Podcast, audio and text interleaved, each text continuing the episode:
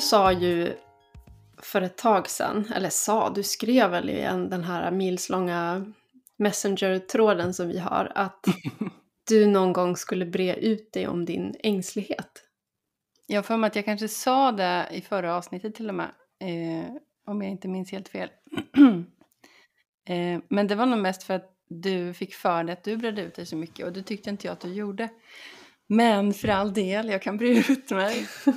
eh, men det är också så svårt att bre ut sig nu eftersom saker och ting uppstår ju i våra samtal. Så, men du får kanske sätta några frågor i början. Ja, men jag tänker det, det är ju, kan ju vara högst personligt, men jag tycker också att det ligger i samtiden. Mm. Vi lever i en väldigt ängslig mm. samtid. Ja. Så att eh, vi kan väl utgå från dig så ser vi var vi hamnar. Utgå från mig. Känn ingen press. Säg något eh. om eh, ängslighet. Ja. Eh, du, jag tror för mig att du också sa någonting om självmedvetenhet. Kan det ha varit eh, i samband med det kanske vi pratade lite? Ja, men ja, precis. För jag sa mm. att det lider nog jag också av, men jag kallar det för självmedvetenhet. Mm. Min satans Exakt. självmedvetenhet. Ja, och jag är, har en känsla av att det är ungefär samma sak. Alltså, eh, det här att hela tiden tro att... Det måste ju också handla om att man någonstans tror att man spelar en, en mycket större roll än vad man gör fast man någonstans tror att man inte spelar någon roll alls. Hänger du med? Ja, jag förstår precis vad du menar. Ja, alltså att eh, man går runt och tänker så här att men, nej, men jag kan inte säga det där för att det är säkert inte rätt eller oh, jag kan inte höja min röst här för då blir det dåligt. Och, och det är ju, då, då inbillar man sig själv någonstans att min, min röst räknas inte lika mycket. Och samtidigt så, så tror man ju att just min röst har sån enormt stor påverkan så att om jag väl säger någonting så blir det den här eller den här effekten. Men, men de, de få gånger som jag har vågat göra lite annorlunda, eh, till exempel ta tag i en konflikt eh, eller säga det där som jag egentligen inte vågar säga, då märker man ju att det är ingen som liksom knappt reagerar ens. Eh, så att jag tror att ängslighet och självmedvetenhet går nog mycket hand i hand. Eh, och min ängslighet hänger också tätt ihop med eh, konflikträdsla. Mm. Är det det mm. område som du tänker det visar sig mest på eller handlar det om överlag om konflikträdsla i alla sammanhang? Nej men det tror jag vi har pratat också om tidigare det här med eh, bråka inåt och utåt. Att mm. Jag har ju inte konflikträdsla på det sättet inåt. Eh, men jag har väldigt svårt för att eh, säga ifrån, sätta gränser, vara besvärlig, säga vad jag tycker utåt. Mm. Och det där är ju lite, det har jag insett ganska nyligen med mig själv, att jag tror att att säga en, en motsatt åsikt är mm. konflikt. Mm. Vilket ju är helt bisarrt. Men jag, jag, har nog gått 50 år nästan av mitt liv och, och tänkt att att ha, vara av en annan åsikt innebär konflikt. Och det är också så, på tal om ängslig samtid, det är också så som alla nyhetssändningar är uppbyggda, det är så alla partiledardebatter är mm. uppbyggda. Mm. Det ska vara en kamp, ja. den ena mot den andra, så att olika åsikter sätts nästan alltid i en debatt mot varandra och då liknar det väldigt mycket antingen en, eh, ett sportevent där två lag möts mm. eller mm. ett krig helt enkelt. Mm. Det är dikotomier hela tiden. Ja. Och allt det här gör ju mig väldigt stressad. Jag kan ju, jag kan ju till exempel inte titta på partiledardebatter. Eller överhuvudtaget sådana här program som, jag vet inte om de går fortfarande, men var det Sivert Öholm? Alltså det var något sånt här program, debatt eller något sånt där. Ja. När folk satt och tyckte saker och ja, tyckte olika saker mest var det väl. Eh, jag blir så fruktansvärt stressad, jag kan inte titta på det.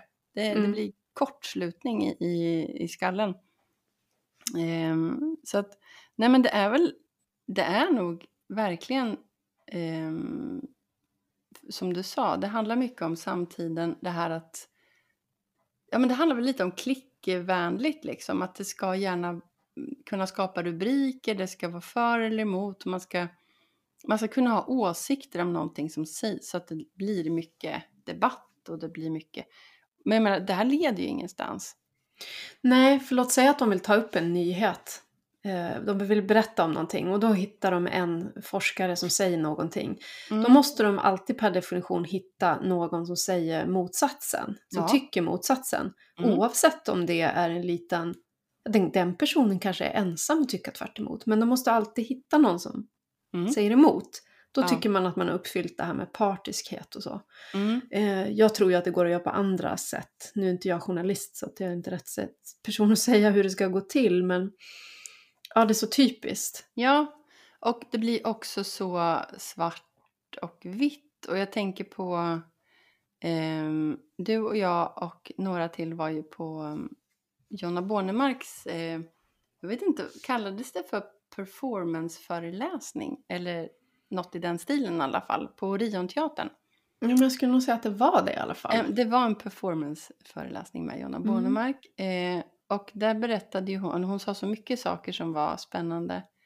Eh, men på tal om det här just det här med dikotomier, att eh, nu får du fylla i, för du brukar ha mer koll på teorin än jag.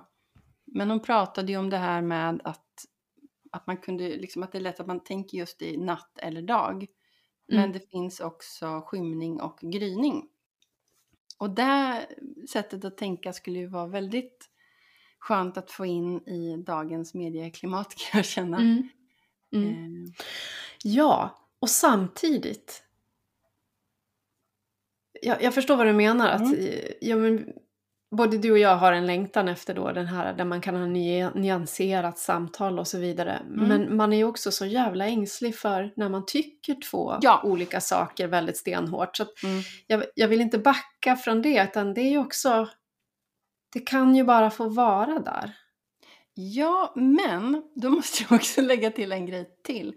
För när jag var på Bokmässan eh, för några veckor sedan så satt jag på en sån här paneldebatt eh, och jag tror att eh, rubriken var Vad ska vi med Norrland till? Mhm. Så det var en ganska kaxig titel. Mm. Eh, och det var också så här lite kul att det var, om det var tanke, någon tankesmedja och någon, alltså det, var, det var ganska tydliga, på tal om dikotomier så var det ett tydligt högerfokus och tydligt vänsterfokus. Och en kvinna som var där från, eh, från Sápmi, från, som var same. Eh, och grejen är att det här du säger att det är viktigt att man kan ha kvar, att man kan tycka olika. Absolut, och särskilt tror jag för dig och mig att kunna fortsätta hävda en åsikt och sådär. Men i en paneldebatt där man vet att höger tycker sådär, vänster tycker sådär, eh, hon tycker sådär, han tycker sådär. Jag saknar ju det utforskande, nyfikna samtalet. För att det ger ju inte ett skit att de bara ska sitta där och vara helt låsta i sina åsikter. Man kan ju börja där kanske. Att jag kommer ju från det här hållet, jag tänker och tycker så här. Men Mm. det skulle vara så fantastiskt skönt att höra någon säga Nej men du, det där har jag inte tänkt på. Mm. Det ska jag ta med mig och fundera mer på. Det, liksom bara en sån. Precis, och det är ju, drömmen är ju att man ska komma dit. Mm. Men om man är för ängslig och för självmedveten så kanske man aldrig ens lägger upp just sitt perspektiv och sin åsikt på bordet. Nej. Man precis. kanske inte ens kommer så långt så att det, man kan komma vidare till ett utforskande samtal där man jämför eller provar de här Nej. olika vägarna och, eller vi- försöker ja. hitta synteser. Då. Så, Där befinner jag mig. så, Ja. att, ja, så man kan ha olika ingångar i det här. Och då kommer Mm. jag från den ängsliga ingången. Jag måste ju Mm. stå för det, så är det. Men ängslighet har ju andra skepnader också och det kan ju vara att man inte vågar ta ansvar. Mm, det är samma sak. Jag är också jättedålig Mm. på det. Därför att då, då riskerar man så otroligt mycket. Mm. För att ta ansvar är ju att eh, kliva in och agera på någonting och då måste man välja. Mm. Därför att du kan inte hålla på, eller ja visst, det är ju så våran ängsliga samtid gör. Det är ju hängslen och livrem eller ännu värre, det är NPMens eh, Ja men det, det är ju ett skifflande av ansvar ibland så man undrar ju liksom, det är som en het potatis som ingen klarar av att hålla i särskilt länge utan man lämnar Nej. gärna vidare. Eh, ja, men det där tycker jag är jätteintressant för att eh, där tar sig ju ängsligheten tydliga uttryck i mitt liv. Eh, att jag gärna backar undan ansvar. Ehm, och får lite så här, jag vill inte att folk ska ha förväntningar på mig heller liksom. Dels för att jag tror att jag är rädd för att de ska tycka att jag, till exempel om jag skulle säga att jag kan någonting. Jag är stark inom det här området eller jag är bra på det här. Då är jag rädd för att de ganska snart skulle märka att det finns andra som är bättre och att de skulle säga sen fast det här är ju inte liksom, du är inte särskilt stark på det här. Har du sett den här och den här personen? De är ju riktigt bra på det här liksom. Så, så blir det i mitt huvud. Sen handlar det ju också om eh, ja, men ansvar i form av eh, att vara beredd att eh, människor, andra, andra inte nödvändigtvis ska tycka om mig. Eh, att fatta obekväma beslut, att tycka saker som personen jag pratar med inte håller med om. Jag kände det senast nu i, eh, ja men till exempel, jo, jag var på föräldramöte. Eh, min ena dotter har börjat en ny skola och det var ett sånt där första föräldramöte och ehm, jag satt bredvid en annan förälder som jag inte känner men som har barn i samma klass och eh, jag märkte hur, hur, hur lätt det är att vi liksom börjar imitera varandras beteenden och eh, ska spegla varann. Eh, och hur hon sa någonting, det var ganska många tolkar med på mötet. Eh, och hon sa någonting om att, ja, hon raljerade lite över det. Eh, och jag kände att det här vill inte jag skratta med åt för jag tycker inte att det var särskilt roligt. Men istället då för att inte, alltså, jag log lite bara liksom så. Men jag kände att till och med att le lite grann kändes fel för att jag ville egentligen inte le. Men jag gjorde det för att rädda henne lite för att hon inte skulle känna sig dum. För att hon kanske trodde att hon skulle få med mig i det här skämtet. Det är en sån typisk grej. det. Ehm, sen tänker jag också på en sån här sak som ledarskap. Ehm, att tänka på sig själv i en ledarposition, att eh, ha en auktoritet. Där börjar jag alltid skruva mig som en mask liksom. För då tänker jag att ska jag Mm. leda? Mm. Det kommer ju bara vara någon som petar hål på det här och ser att men du kan ju inte göra det här. Du är ju jätteosäker. Du kan ju inte Mm. ens leda dig själv liksom. Så att, eh, jag tror att ängsligheten ställer till det ganska mycket på ganska många områden för mig. Mm. Och när du... Alltså det är ju det gemensamma i det här och det som, blir så obehagligt nu när det blir så synligt är att varje gång man känner sig ängslig, självmedveten så har man genast redan där förflyttat sig ur sin autenticitet Ja! Och börjat tänka på masken Ja. och på att gömma skuggsidorna. Mm. Och så tappar man bort sig själv där. Mm. Och det känner ju förmodligen de andra också. Och så hamnar man i det här spelet tillsammans. Där, där om en ruckar sig själv ur att Ja! vara centrerad i hur man verkligen är så ruckar man ju alla andra också Ja, i ja, samma visst. Det är som ditt experiment liksom när du märker Mm. att när du är i rätt, eh, ja, åker med i rätt eh, fåra eller flod eller vad vi ska kalla det, då reagerar andra på dig på ett eh, helt annat sätt än om du anstränger dig. Och även om jag vet det Mm. Jag har ju verkligen smakat på det och gjort det under en så lång tid och så har jag liksom, sen nu kliver jag ju in och ur, ut, ut ur det där. Mm. Så blir jag lika förvånad liksom varje gång. Men hur kunde jag dras med så lätt? Hur kunde jag bli så ängslig? Vad var det som väcktes Mm. här? Mm. Och det, det, jag kallar det ju för självmedvetenhet för det för mig är det bokstavligen som att en övervakningskamera tänds. Ja. Som en drönare som svävar här hela tiden och jag ser mig Ja. själv utifrån. Ja. Ehm, och när jag är så här självmedveten, då går jag ju in i ett läge där jag är, så, jag är ute och fiskar. Mm. Jag, jag försöker bokstavligen styra hur andra tänker Mm. om mig. Då är man där. Jag vet. Mm. Och det är så arbetsamt och det är så äckligt. Man känner sig så här. Och jag tror någonstans att det har ändå hänt någonting. För att ibland kan jag uppmärksamma det precis medan det pågår. Mm. Eh, och jag tror också att det finns, för mig i alla fall, en risk i det här. Som att, att lätt hamna i prestation. Att nu, nu vet jag att jag vill vara autentisk. Och om jag misslyckas med det så är jag dålig. Istället för att förstå att det här, det här är ett livslångt arbete. Liksom. Det är små, små steg och det är små, små vridningar. Ehm, för, jag- ja, nej men, för jag kan tycka ibland så här att men jag vet bättre än så här.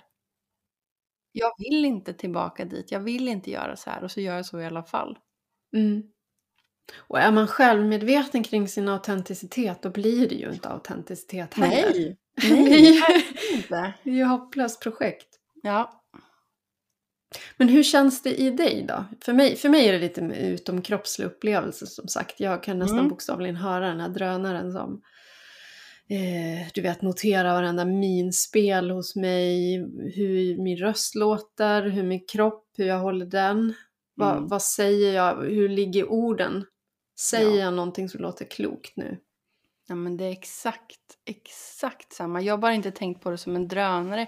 Jag har haft liksom idén som att jag har som en in, inre sträng liten domare som hela tiden är på och pekar på så här, ja Mm. men, tro, ja men för, för grejen är att det handlar ju lite om att känna av människan man har framför sig och det, det är precis som du sa, redan då när man, när man tänker att nu ska jag vara autentisk, då har man ju tappat det. Mm. Eh, för att det, det, det här är att då utgår jag inte från mig själv utan från den andra. Och jag gör ju det hela tiden. Jag har så svårt att börja med mig själv. Mm. Mm. Jag glider över i vad vill den andra att jag ska leverera nu? Vad, vad vill den, den här personen, hon är sån här och sån här. Ja men då ska jag nog vara så här för då blir hon trygg. Mm. Eller då ska jag vara så här för att då känner hon att jag är att lita på. Där Mm. hamnar jag ju. Hela tiden. Och jag tror ju att, nu sitter ju säkert en hel del personer kanske och, och lyssnar på det här och tänker att nej men så där är inte jag, för du och jag är ju ganska lika i det här. Mm. Men tror inte du att de här människorna som är ganska utåtagerande och um, pushiga i sin, de har inga problem att hela tiden liksom slänga fram sin åsikt Mm. också kan vara självmedvetna men på ett annat sätt. Men Jo. för dem um, tar sig uttryck på ett annat sätt. Än att de, de, det är en, an, en ängslighet och en självmedvetenhet som har en annan form. Det är bara det att för dem kanske det är mera eh, en kamp. Det är Mm. viktigt att visa sig stark, men man Mm. försöker kanske ehm, ja, precis, visa sig stark inför alla andra istället. Eh, Mm. Och verkligen ibland kanske också nästan säga tvärs emot vad andra tycker för att Mm. vara egen och ha en egen stark synpunkt. Mm. För vissa funkar, precis, men det skulle vara spännande att få höra någon person som funkar så berätta Mm. eh, hur, det, hur det är. För att jag kan ju bara gissa liksom hur, hur det är. Men, men från en person, från den personen som jag är, från, från min synvinkel, eh, så kan ju en person som är väldigt rättfram och eh, direkt ställa till det lite för mig. och särskilt då liksom eh, om det sker med lite ilsken röst. Eh, och personer som kanske sätter en ära i att vara Ja, men som, som har gjort det till sin grej lite. Både att ifrågasätta, säga tvärt emot och att eh, ja, men jag är sån här. Ni får säga ifrån om det blir för mycket. Liksom som lägg, det är ju också att lägga ansvaret på någon annan än sig själv, tänker jag. Ehm, men jag har lite svårare att förstå mig på den sortens ängslighet eftersom det är så långt från mitt eget Mm. sätt. Mm. Det är det. Och vi brukar ju nästan alltid ta upp enneagrammet på ett eller annat sätt och tänker, nu har du börjat läsa en bok om det också och jag tänker att kan det vara nio olika ängsligheter? Alltså det är nio olika Ja. typer. Ja, Eh, absolut. Eh, och jag tänker någonstans att de här ängsligheterna då, att man ha- hanterar dem på de sätt som de berättar om som dödssynder tror jag i den boken jag läser. Och där är ju ehm, nians eh, dödssynd sloth. Som du och jag är. Ja men exakt. Det är ju alltså sloth. Och eh, hur skulle du översätta det? Sloth är ju sengångare, alltså det är ju Mm. någonting, men det har ju med slöhet att göra. Mm. Lite, eh, precis. Och jag tänker att det är ju lite den eh, som, man, som man kanske hänfaller till då, liksom att istället för att vara direkt och take action så drar man sig tillbaka när det hettar till. Mm. Lite så. Det är väl kanske reaktionen som slår till när man är ängslig. Exakt. Precis. Eh, ja, så då är det typ, vem är vilka, kan du i huvudet vilka det är som är lite mer så här direkta och outspoken och eh, Åttorna är det. ja, Definitivt. De Mm. är ju... Eh, man kan tänka sig att det är ju en väldigt energifylld personlighetstyp. Som alltid liksom, de ser väldigt snabbt också hur de tycker att den snabbast bästa möjliga sättet att lösa saker och tvekar Mm. inte att gå fram med den energin. Men de, de typerna är också, drivs av en, eh, en stark eh, eh, ja, alltså de har ändå ganska svag kä- självkänsla. mm, Så det finns någon slags ängslighet att inte duga om man inte är stark. De här människorna måste vara Mm. starka hela tiden. Man får Ja. inte vara sjuk, man får inte, man får inte vara vek känslomässigt. Man får, måste alltid vara i någon slags överläge i alla relationer. Ehm, relationer är alltid en kamp, nästan på Mm. något sätt. mm, Och sjuorna är också, eh, de är ju glada, energifyllda, det ska alltid hända något, allting ska vara ett äventyr och så. Och de tvekar ju aldrig att framhålla i att de, nu tycker jag någonting är tråkigt, nu vill jag göra det här. Så att, men, men det bottnar i en ängslighet att möta ens kanske mörkare sidor, det som är jobbigt och svårt inuti som man måste jobba med. Så att det är därför jag tänker att det är olika ängsligheter. Sen finns det också Fyran brukar också Mm. vara alltid rätt fram, ha verkligen stark Mm. kontakt med Mm. vad man känner väldigt tydligt. Eh, men där är det intressant för det kan vara en ängslighet som, där man, avund är den. ja avund och man vill vara unik. Mm, Så därför så kan man alltid vilja ha en annan ståndpunkt än vad alla andra har. mm, Ett annat perspektiv hela tiden. Mm. Så att det är svårt att hitta konsensus utan det är alltid men jag vill, jag vill någonting annat. Jag ser på det på ett helt annat sätt och så. Men när man, nu kommer vi in på enneagrammet och det, jag måste bara fråga om... Tänker du att man är född till en typ? Eller blir man? Jag tror, jag, när jag läser det där så, så i mitt huvud så blir man väldigt mycket. Det har att göra med en massa saker. När i dina föräldrars tidsperiod föds du? I vilket sammanhang i relation med syskon föds du? Mm. Eh, hur har du som liten tolkat de situationer du har upplevt? Mm. Och någonstans så formar man sina egenheter då, på ett visst sätt som gör att man får vissa drivkrafter som ju också blir ens personlighetstyp. Mm. Så Mm. tänker jag kring det. Mm. Men det är ju inte, jag har inte tänkt på det förut som nio olika ängsligheter, men det, man kan faktiskt uttrycka det på det viset. Absolut. Absolut. Jag tycker bara att det är spännande så här. eh, Just det här nian skulle man ju kunna se som en ganska ängslig typ på många sätt eftersom det är en konflikträdd typ. Det är en person som strävar efter att alltid hålla någon slags eh, eh, att det ska vara trevligt och eh, harmoniskt och eh, ingen ska vara arg. Mm. Och ingen ska bli besviken på mig eh, och jag jag ska inte vara besvärlig. Mycket så liksom. Ja men det är ju Men- 100% ansvar för alla andra. Exakt, så det är ju ansvar. Mm. Jag tar ju ansvar fast jag tror inte att jag tar ansvar. Det, men, men det jag skulle säga var, det var någonting annat. Eh, jo, jag funderar på så här, är alltid, är, är, har man sin autenticitet i, sitt, ehm, i sin siffra?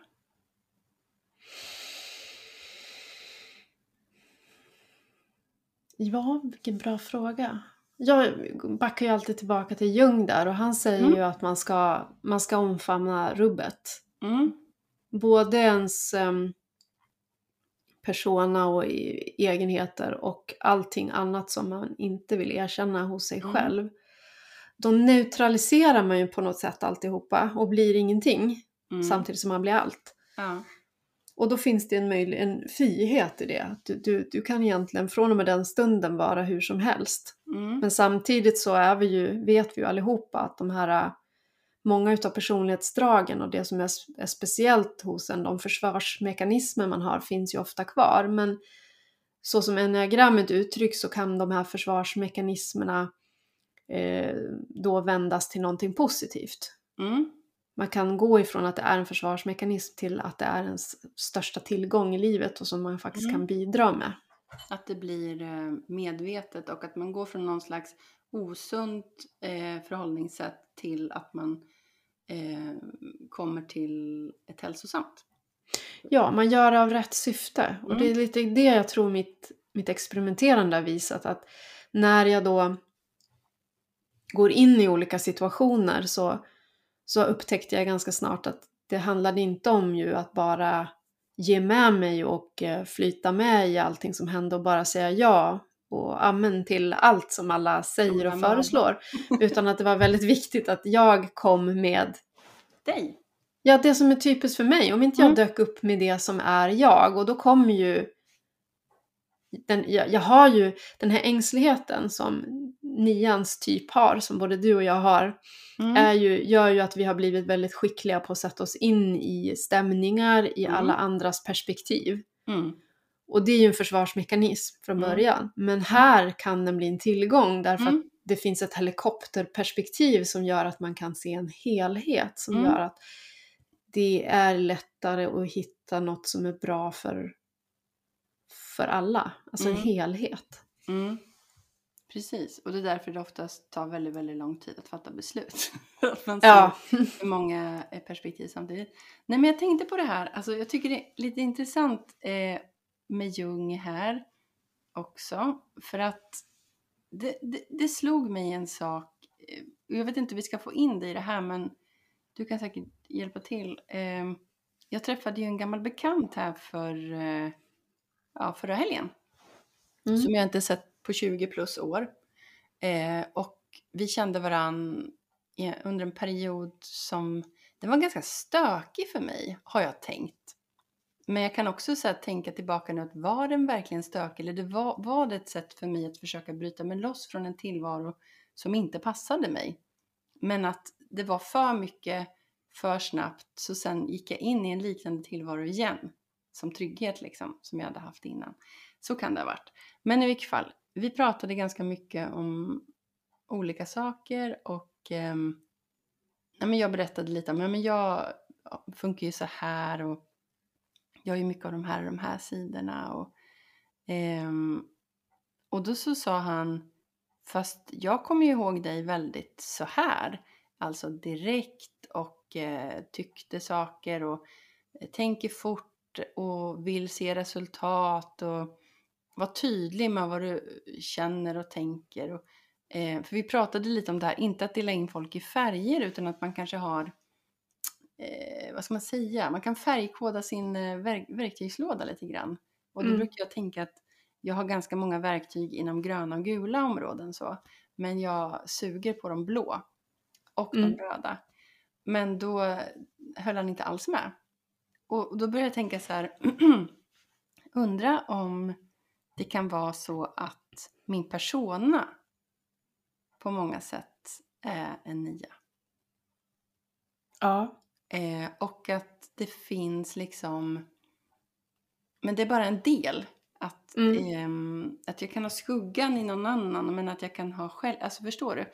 Att någonstans så kan det ju vara så att man faktiskt blir uppfostrad till det nya.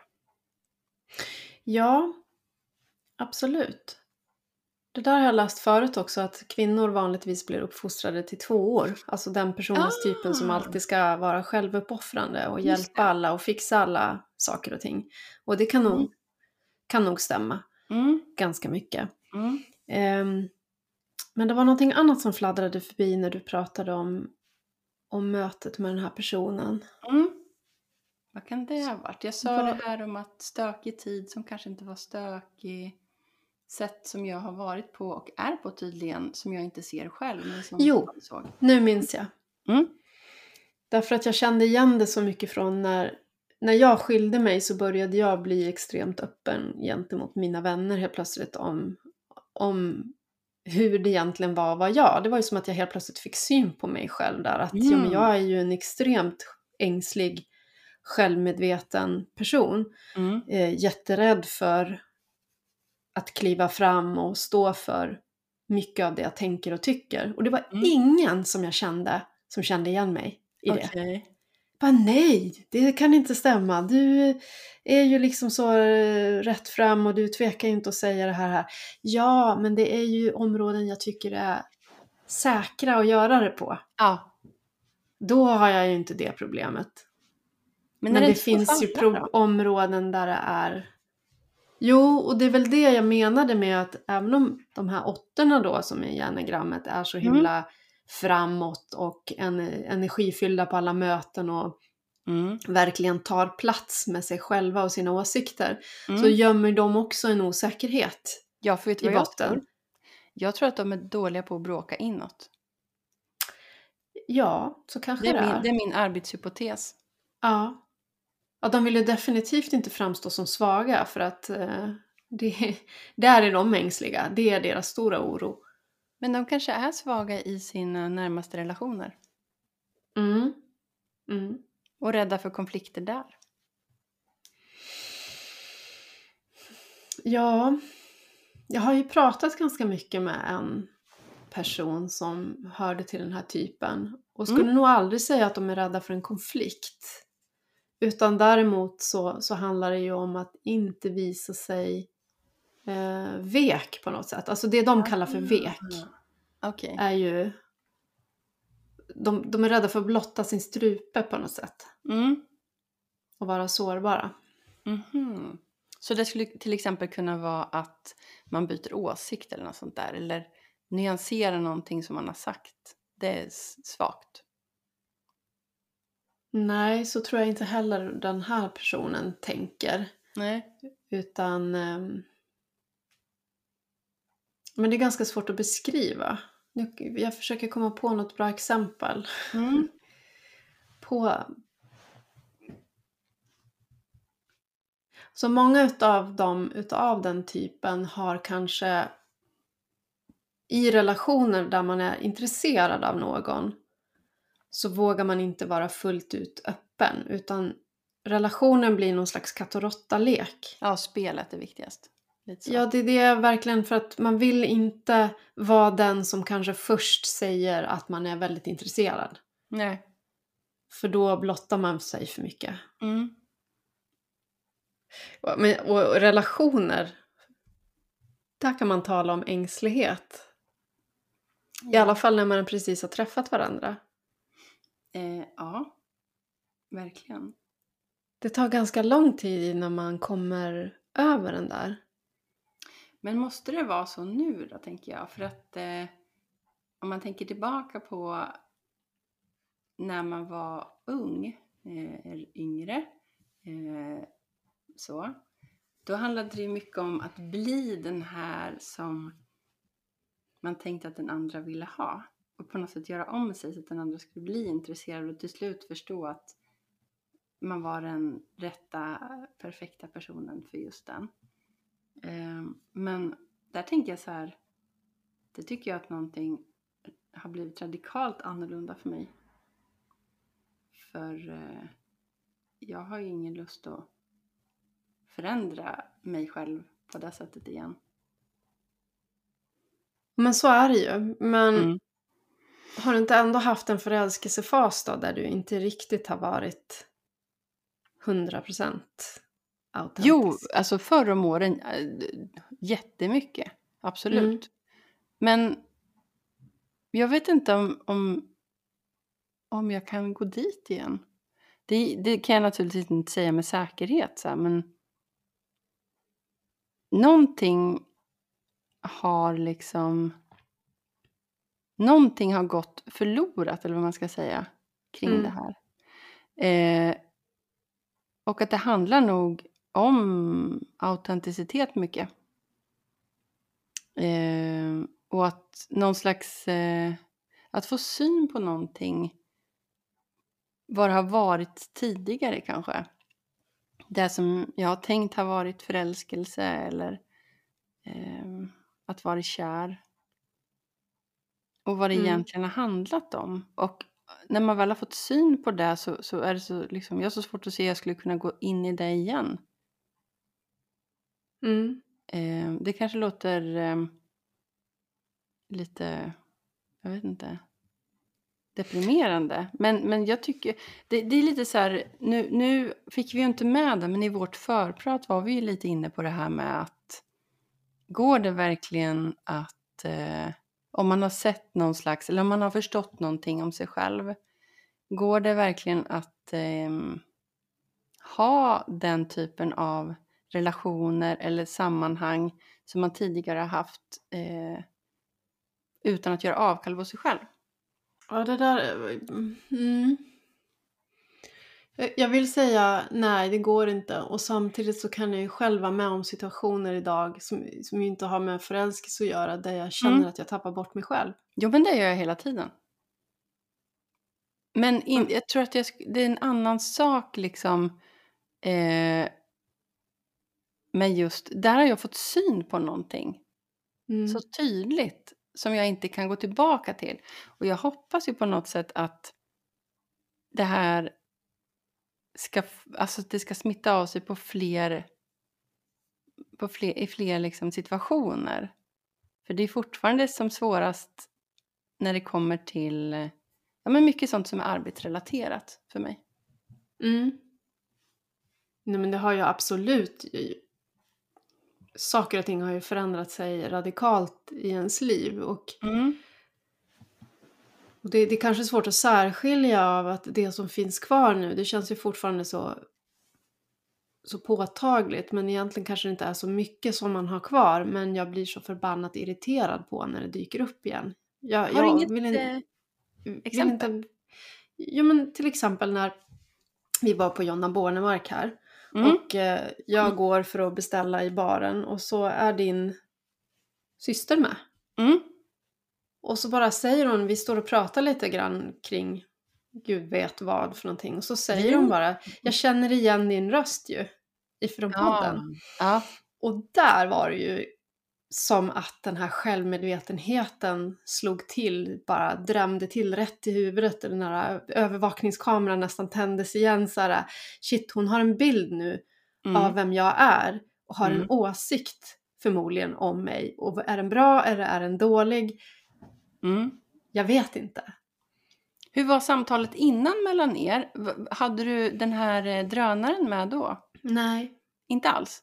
Nej, jag känner, inte vad jag kan komma ihåg så fanns inte den med. Utan någonstans i jag, jag känner igen din röst. Och det blev så naket. Det var Ja. som att någon, någon redan hade... ehm,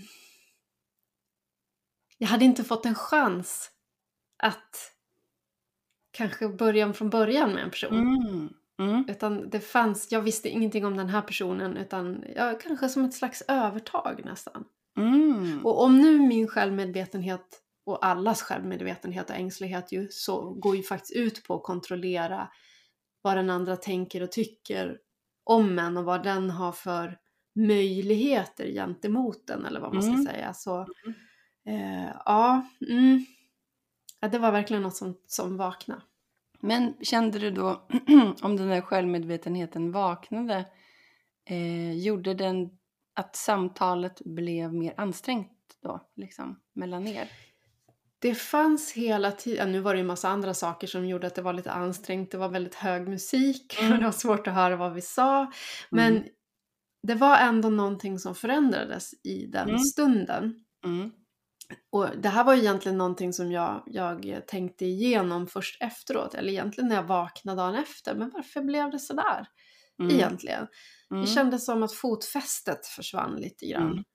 Mm. Eh, Så det var ju då jag, jag... Jag skriver ju ganska mycket.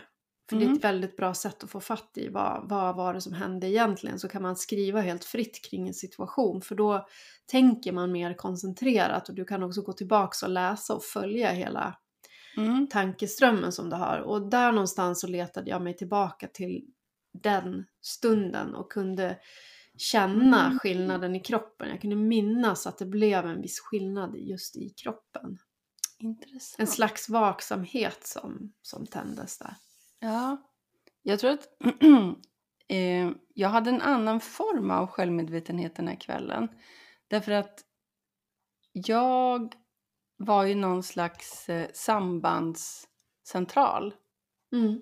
eh, i och med att alla vi fyra som sågs hade mig gemensamt. Mm. Ehm, och det gjorde mig väldigt självmedveten och det gjorde också det här att jag har olika relationer till alla er tre. Mm. Eh, och nu så ska alla de här relationerna samexistera och jag är, ska vara samma person eh, fast det är tre olika varianter av mig som egentligen sitter här, eller man ska säga. Mm. Jag är en och samma, men jag är också liksom den jag är i relation till er tre. Så. Och jag vet inte, där blir det någon slags låsning för mig. För då känner jag någon slags självpåtaget ansvar att ja, men dels att det ska bli eh, bra för alla, att ingen ska Mm. känna att de är mindre betydelsefulla. Jag vill att ni ska liksom funka ihop och sådär. Och hur gör du det? Hur tar du det ansvaret då? Hur ter det, vad tar det sig för uttryck? Eh, nej men jag försöker ha lite koll på hur, om folk verkar bekväma. Eh, om någon inte har sagt något på ett tag så vill jag få in den i samtalet. Eh, och om, någon, om det känns som att det har handlat om samma sak ett tag eller att man har pratat om någonting som jag vet att kanske en eller två är intresserade av. Då, då känner jag ett behov eller ett liksom ansvar att ta någonting som den här tredje personen som jag vet den är intresserad av eller som är specifikt för den Mm. eh, och lyfta in det i samtalet liksom. Så. Just det. Det blir Mm. någon slags eh, stötdämpare, tryckutjämnare. Ja. Mm. Jag kan känna igen det där. Mm. Och det är ju ansvar, ansvar och ängslighet i, i samma... One neat package. Ja. Mm. och det är ju... Skulle jag sätta ihop en helt ny grupp, låt säga att jag var chef och skulle liksom rekrytera ihop en helt ny grupp som skulle jobba med någonting, då skulle jag nog vilja ha en sån typ som du och jag med där, som tar Mm. den typen av ansvar, som, som blir den som knyter ihop allihopa Mm. på det här sättet. Det finns ju andra personlighetstyper där också. Tvåans personlighetstyp som också är en som, som tar ansvar för att alla ska ha det bra. Mm. Eh, Men man kan ju bli utnyttjad i sådana sammanhang och man Mm. utnyttjar sig själv Mm. när man går in i den sitsen. Ja, för det är en väldigt tacksam typ att ha en grupp och jag tänker någonstans att man snärjer ju in sig i sin egen skit för att alla älskar ju det här beteendet. Alla känner sig sedda, bekräftade, det blir en mysig och skön stämning. Mm. Eh, den här personen tar ju också ofta hand om eventuella orosmoln eller Mm. eventuella uppseglande konflikter i gruppen. Mm. Man plockar upp ett ögonkast från någon eller ett kroppsspråk från någon eller ett tonfall och sen inser man nu har den här stört sig på något som den där sa. Fast den där menade ju egentligen det här. Fast det förstår inte den här personen så då behöver jag liksom eh, plocka upp den tråden och ja men som du sa eh, Harry. Mm. Så varför jag nu fick Harry ifrån. Det är ett namn man inte har hört på länge. Det var ett tag sedan. Nej men som du sa. Och sen säger man om hans ord på ett sätt, liksom översätter hans ord till någonting som man vet Ja. att den andra personen kan ta på ett annat sätt. Mm. Man är Eh. som diplomat och medlare. Exakt. Tolk Ja. Eh, hela tiden. ja, och det handlar ju i grund och botten om att man själv ja, att man tycker det är så fruktansvärt obekvämt med konflikter och att man inte vill att någon annan ska bli arg på en. Ja. Superängsligt. Keeping the peace. Och jag tänker någonstans att eftersom man får så mycket positiv bekräftelse och eh, man känner, men det är så att du är så bra på att ta folk. Eller Ja. man sätter dig i en grupp och så blir det bra stämning. Det är klart att om, om jag då ska gå mot min ängslighet, vad ska jag göra då? Ska jag börja så här säga emot? Ska jag... Mm. Jag, jag har svårt att hitta rätt där. Ja, och där, där tror jag då är det ju... I det fallet kan det ju vara... Det kan ju vara svårare att utvecklas eftersom omgivningen gillar ju ens dåliga sidor. Alltså Ja. dåliga inom citationstecken. De Mm. gillar ens dåliga sidor så himla mycket. Det är nog svårare att vara ängslig av den typen som eh, den så kallas för, alltså som är sexorna i det här diagram, eh, enneagrammet då, som, som ser faror överallt. För att de lägger ju dem på bordet hela tiden och kan ju Mm. göra att vissa projekt och annat kommer inte vidare för att Mm. man är bra på att se problemen och det kan också Mm. vara deras tillgång för de ser verkligen problemen och luckorna som andra inte ser. Mm. De tänker väldigt långt fram och värsta tänkbara scenario så. Men Mm. den typen av ängslighet är ju sällan uppskattad utan de här personerna anses ju som väldigt besvärliga då istället. Mm. Sån är jag ofta i mina nära relationer. Ja, just det. Men, men å andra sidan, om man nu ska gå tillbaka till det här med nian så handlar det ju mycket om att man har man har drag av alla och man vet inte riktigt vilket som är en själv. Nej, nej precis. Och eh, jag menar om vi nu är inne och pratar på de olika, nu blev det nästan ett enneagramavsnitt det här. Det Men, ängsliga enneagramavsnittet. ja, så är det ju. Men personlighetstyp 3, Mm. de är väldigt ängsliga när det kommer till deras eh, bild utåt, alltså ytan. Mm. Eh, så att de framstår som framgångsrika, snygga, Mm. ehm, roliga, Mm. starka, alltså alla de här att de, de har rätt saker, umgås med rätt människor. Mm, ja, Mm. mycket som har med, med en, en sån fasad att göra. Mm. Eh, Så det är ju en ängslighet av det så, slaget då, att man har rätt kläder, rätt inredning. Mm. Och ehm, där känner ju inte jag igen mig lika mycket. Nej. Nej, eller jag kan tycka att, eh, jag vet inte, jag känner igen mig i allt. Nej men in, inte så här i att ha massa prylar och, och rätt personer och så. Det kanske var mer liksom i tonåren. Kan- Ja. ja, när man skulle vara som alla andra och då var det mer pinsamt och jobbigt att jag inte hade det. Och att, eh, ja men som en sån här grej att vara med i kyrkan liksom. Det var ju Mm. lite pinsamt och eh, det var inte riktigt rätt och coolt så. Eh, så jag hade nog en period när jag försökte ta igen mycket av det här. Och bli Mm. rätt och bli cool. Mm. Eh, sådär. Men eh, så jo, jag känner igen det. Absolut. Eh, men jag tror också att det handlar mycket om eh, andra saker. Någon form av liksom flykt från ansvar, flykt från den man egentligen är. Att liksom lätt hänfalla åt eh, shopping och ja men massa sådana saker. För att liksom, jag tror att det också är lite nya att man lätt eh, hamnar i lite sånt där osunt flyktbeteende. Mm. Jo men det är ju, åh vilken dröm om man bara kunde ta på sig rätt kläder och bo i rätt hus så skulle allting vara annorlunda. Mm. Men så blir det ju sällan för att den där Nej. kroppen som man klämmer in i huset och kläderna är ju densamma. Där, i, där det pågår samma skit. Det Nej. finns bara en kanal, Ja, samma program varje dag. precis. Mm. Ja, jag hoppas, det känns ändå som att det här samtalet har ju en riktning. Eh, det drar gärna mot enneagram eftersom både du och jag lätt hamnar där. Eh, men eh, jag tänker på, vi har kommit in på ängslighet på ganska många olika sätt. Var det Mm. något i den stilen du hade tänkt dig? Eller var det något annat du undrade just om min ängslighet?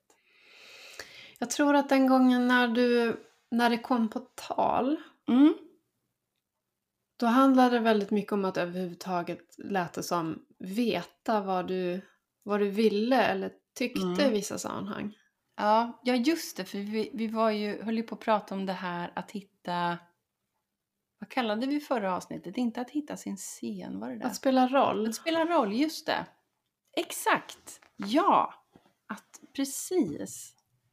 Eh, ängsligheten i att jag inte hittar min plats.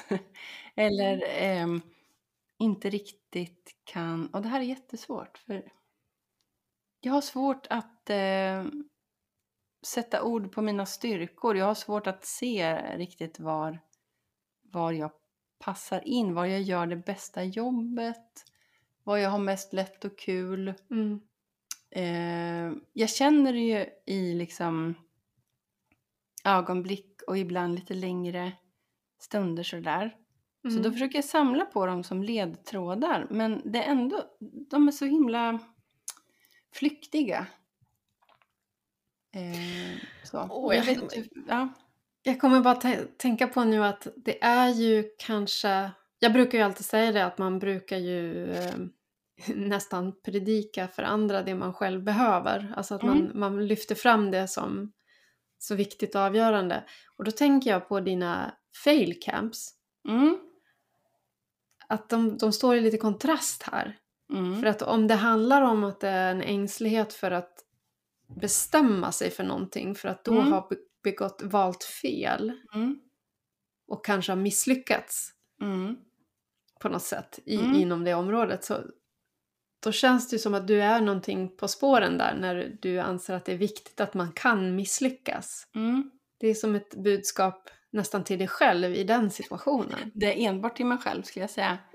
Eh, för att eh, grejen att ja, men det här är så intressant, hela failcamp-grejen. Då Mm. står jag där framme och pratar om hur viktigt det är att se på att kunna prata om misslyckanden, att se på allting som läranden, att det egentligen kanske inte ens finns några misslyckanden och jada jada. Men jag tror att jag är den i hela församlingen som är mest rädd fortfarande för att Ja. Eh, oavsett hur mycket jag vet om eh, hur nödvändigt det är Mm. och hur bra det är. Liksom. Mm. Och nu kan ju vem som helst, nu lät det ju lite självutlämnande det jag sa här om dig, men vem som Ja, helst kan nej. gå in och läsa min blogg och så kan man läsa att jag läser, skriver mycket om kontroll och jag skriver mycket om kärlek Mm. och våga vara rädd och så vidare. Alltså det Mm. jag skriver ju till mig själv. Ja. Jag vill kontra med det bara. Så att, Du, du behöver inte vara rädd för att hänga ut mig, jag, jag tycker bara det är härligt. Eh, nej men för Ja. så, det har jag tänkt jättemycket på att eh, jag ble, ble, blev lite så här, eh, ja men Miss Fail Camp i biblioteksvärlden och så tänker jag så här, hjälp, då framstår jag som någon som verkligen har her shit together och sen så är det verkligen totalt motsatsen. Men det kanske handlar om att våga vara sårbar då, våga äga att man är rädd för att misslyckas. Tänk om det här är din grej då? Fail Tänk om det här du kan spela roll? Eftersom du är rädd för att eh, välja fel. Mm. Ja men hur, för, förtydliga, hur kan jag spela roll? Du tänker att jag ska åka runt land och rike runt och ha fail camps? Du kanske inte ska så himla mycket tänka just nu att du exakt ska veta hur. Nej, Men det här är ett spår som du ska följa på ett eller annat sätt. misslyckanden. Mm. Kunde du inte valt något roligare? och du vill att allt ska vara roligt. Livet är inte så jävla roligt. Nej, men jag vill ha lätt och kul. Ja. Nej men det, det, jag tror absolut, för i det här ligger ju också längtan efter autenticitet, riktiga Mm. samtal, inget Mm. bullshit, eh, mänskliga möten. Så att ja, absolut. Tänk om det är här ditt experiment ligger då? Ehm, Att, att bara bestämma, välja överallt där du är liksom rädd för att begå de här misstagen. mm, För att se vad som händer då. Att i varje situation mm. göra det, du, det misstag du är rädd för att göra. Ja, Jag behöver mer. Till exempel att jag ska göra misstag med flit. Eller att jag ska göra saker som jag är rädd för att göra för att jag kanske misslyckas. Ja. Jag vet inte exakt hur det ska se ut men det kanske är ett spår att fundera på. Om du skulle Mm. vilja utmana dig själv också. Mm. Ja, det För jag har ju, för mig har det ju blivit att när jag, i, i mitt experiment, när jag bara har bestämt mig för att flytta med, då har det ju blivit att jag har släppt på kontrollen på så himla mycket saker. Mm. Och det blev ju helt fantastiskt. Helt Mm. plötsligt så... Det är, som att, det är som att spräcka hål på ett filter som man har sett världen igenom. Mm. När man helt plötsligt vänder på den där strömmen och går och gör tvärt emot. Mm. Nu var det inte så att jag kanske tänkte just att det var tvärt emot, men, men det bara blev så. Och helt plötsligt så, så spricker det där filtret upp och så, vänta nu, det var ju så här. Så Mm. här. Nu ser jag världen. Mm. Som skuggorna och råttan och det där. Och de fick se mig. Mm. Förut har de sett någonting annat som jag har Mm. velat visa upp. Ja men exakt, världen vill säkert se mig. Den behöver inte den tillrättalagda bilden av mig. Men det är ganska intressant det här med experimentet. För jag, jag, om jag tänker att jag skulle göra på mm, precis samma sätt som du. För jag inbillar mig ändå någonstans att jag varit på väg in i det här på ett liknande sätt som du. Där jag tänkt att det måste handla om att istället för att forcera och eh, anstränga sig så handlar det nog mycket om att ta ett steg tillbaka och åka Mm. med. Men det här, här finns det ju en risk som jag ser det eftersom det här beteendet ganska lätt dockar i nians eh, sloth, alltså Mm. lite det här lathet, Mm. bekvämlighet och Mm. en oförmåga att ta ansvar. Och då kan man lite gömma sig bakom så här, nu tänker jag åka med bara. Så att Mm. oj, jag gjorde det här nu och ja, men jag ska ju bara åka med så att jag behöver inte eh, Mm. ta ansvar, jag behöver inte bestämma en riktning. Och det är därför det också måste innehålla det här kornet av eh, obehag. Alltså att Mm. göra det man också är rädd för, tror jag. Mm, Okej. Nu, nu dök det upp på något sätt spontant i, i mitt fall, men om, i ditt fall då, om du Mm. bara skulle flytta med i en situation så är det kanske eh, det är inte det det handlar om i, i ditt fall, utan det är snarare att i varje situation bara välja en sak. Alltså om det handlar om att välja åsikt eller välja, om någon kommer och frågar dig om råd, säg någonting bara, vad som Mm. helst. Alltså att inte Mm. tänka där, utan bara gå på första bästa, skitsamma. Inga kalkyler, ingenting. Och så bara fem minuter senare så här, det där blev ju fel. Mm.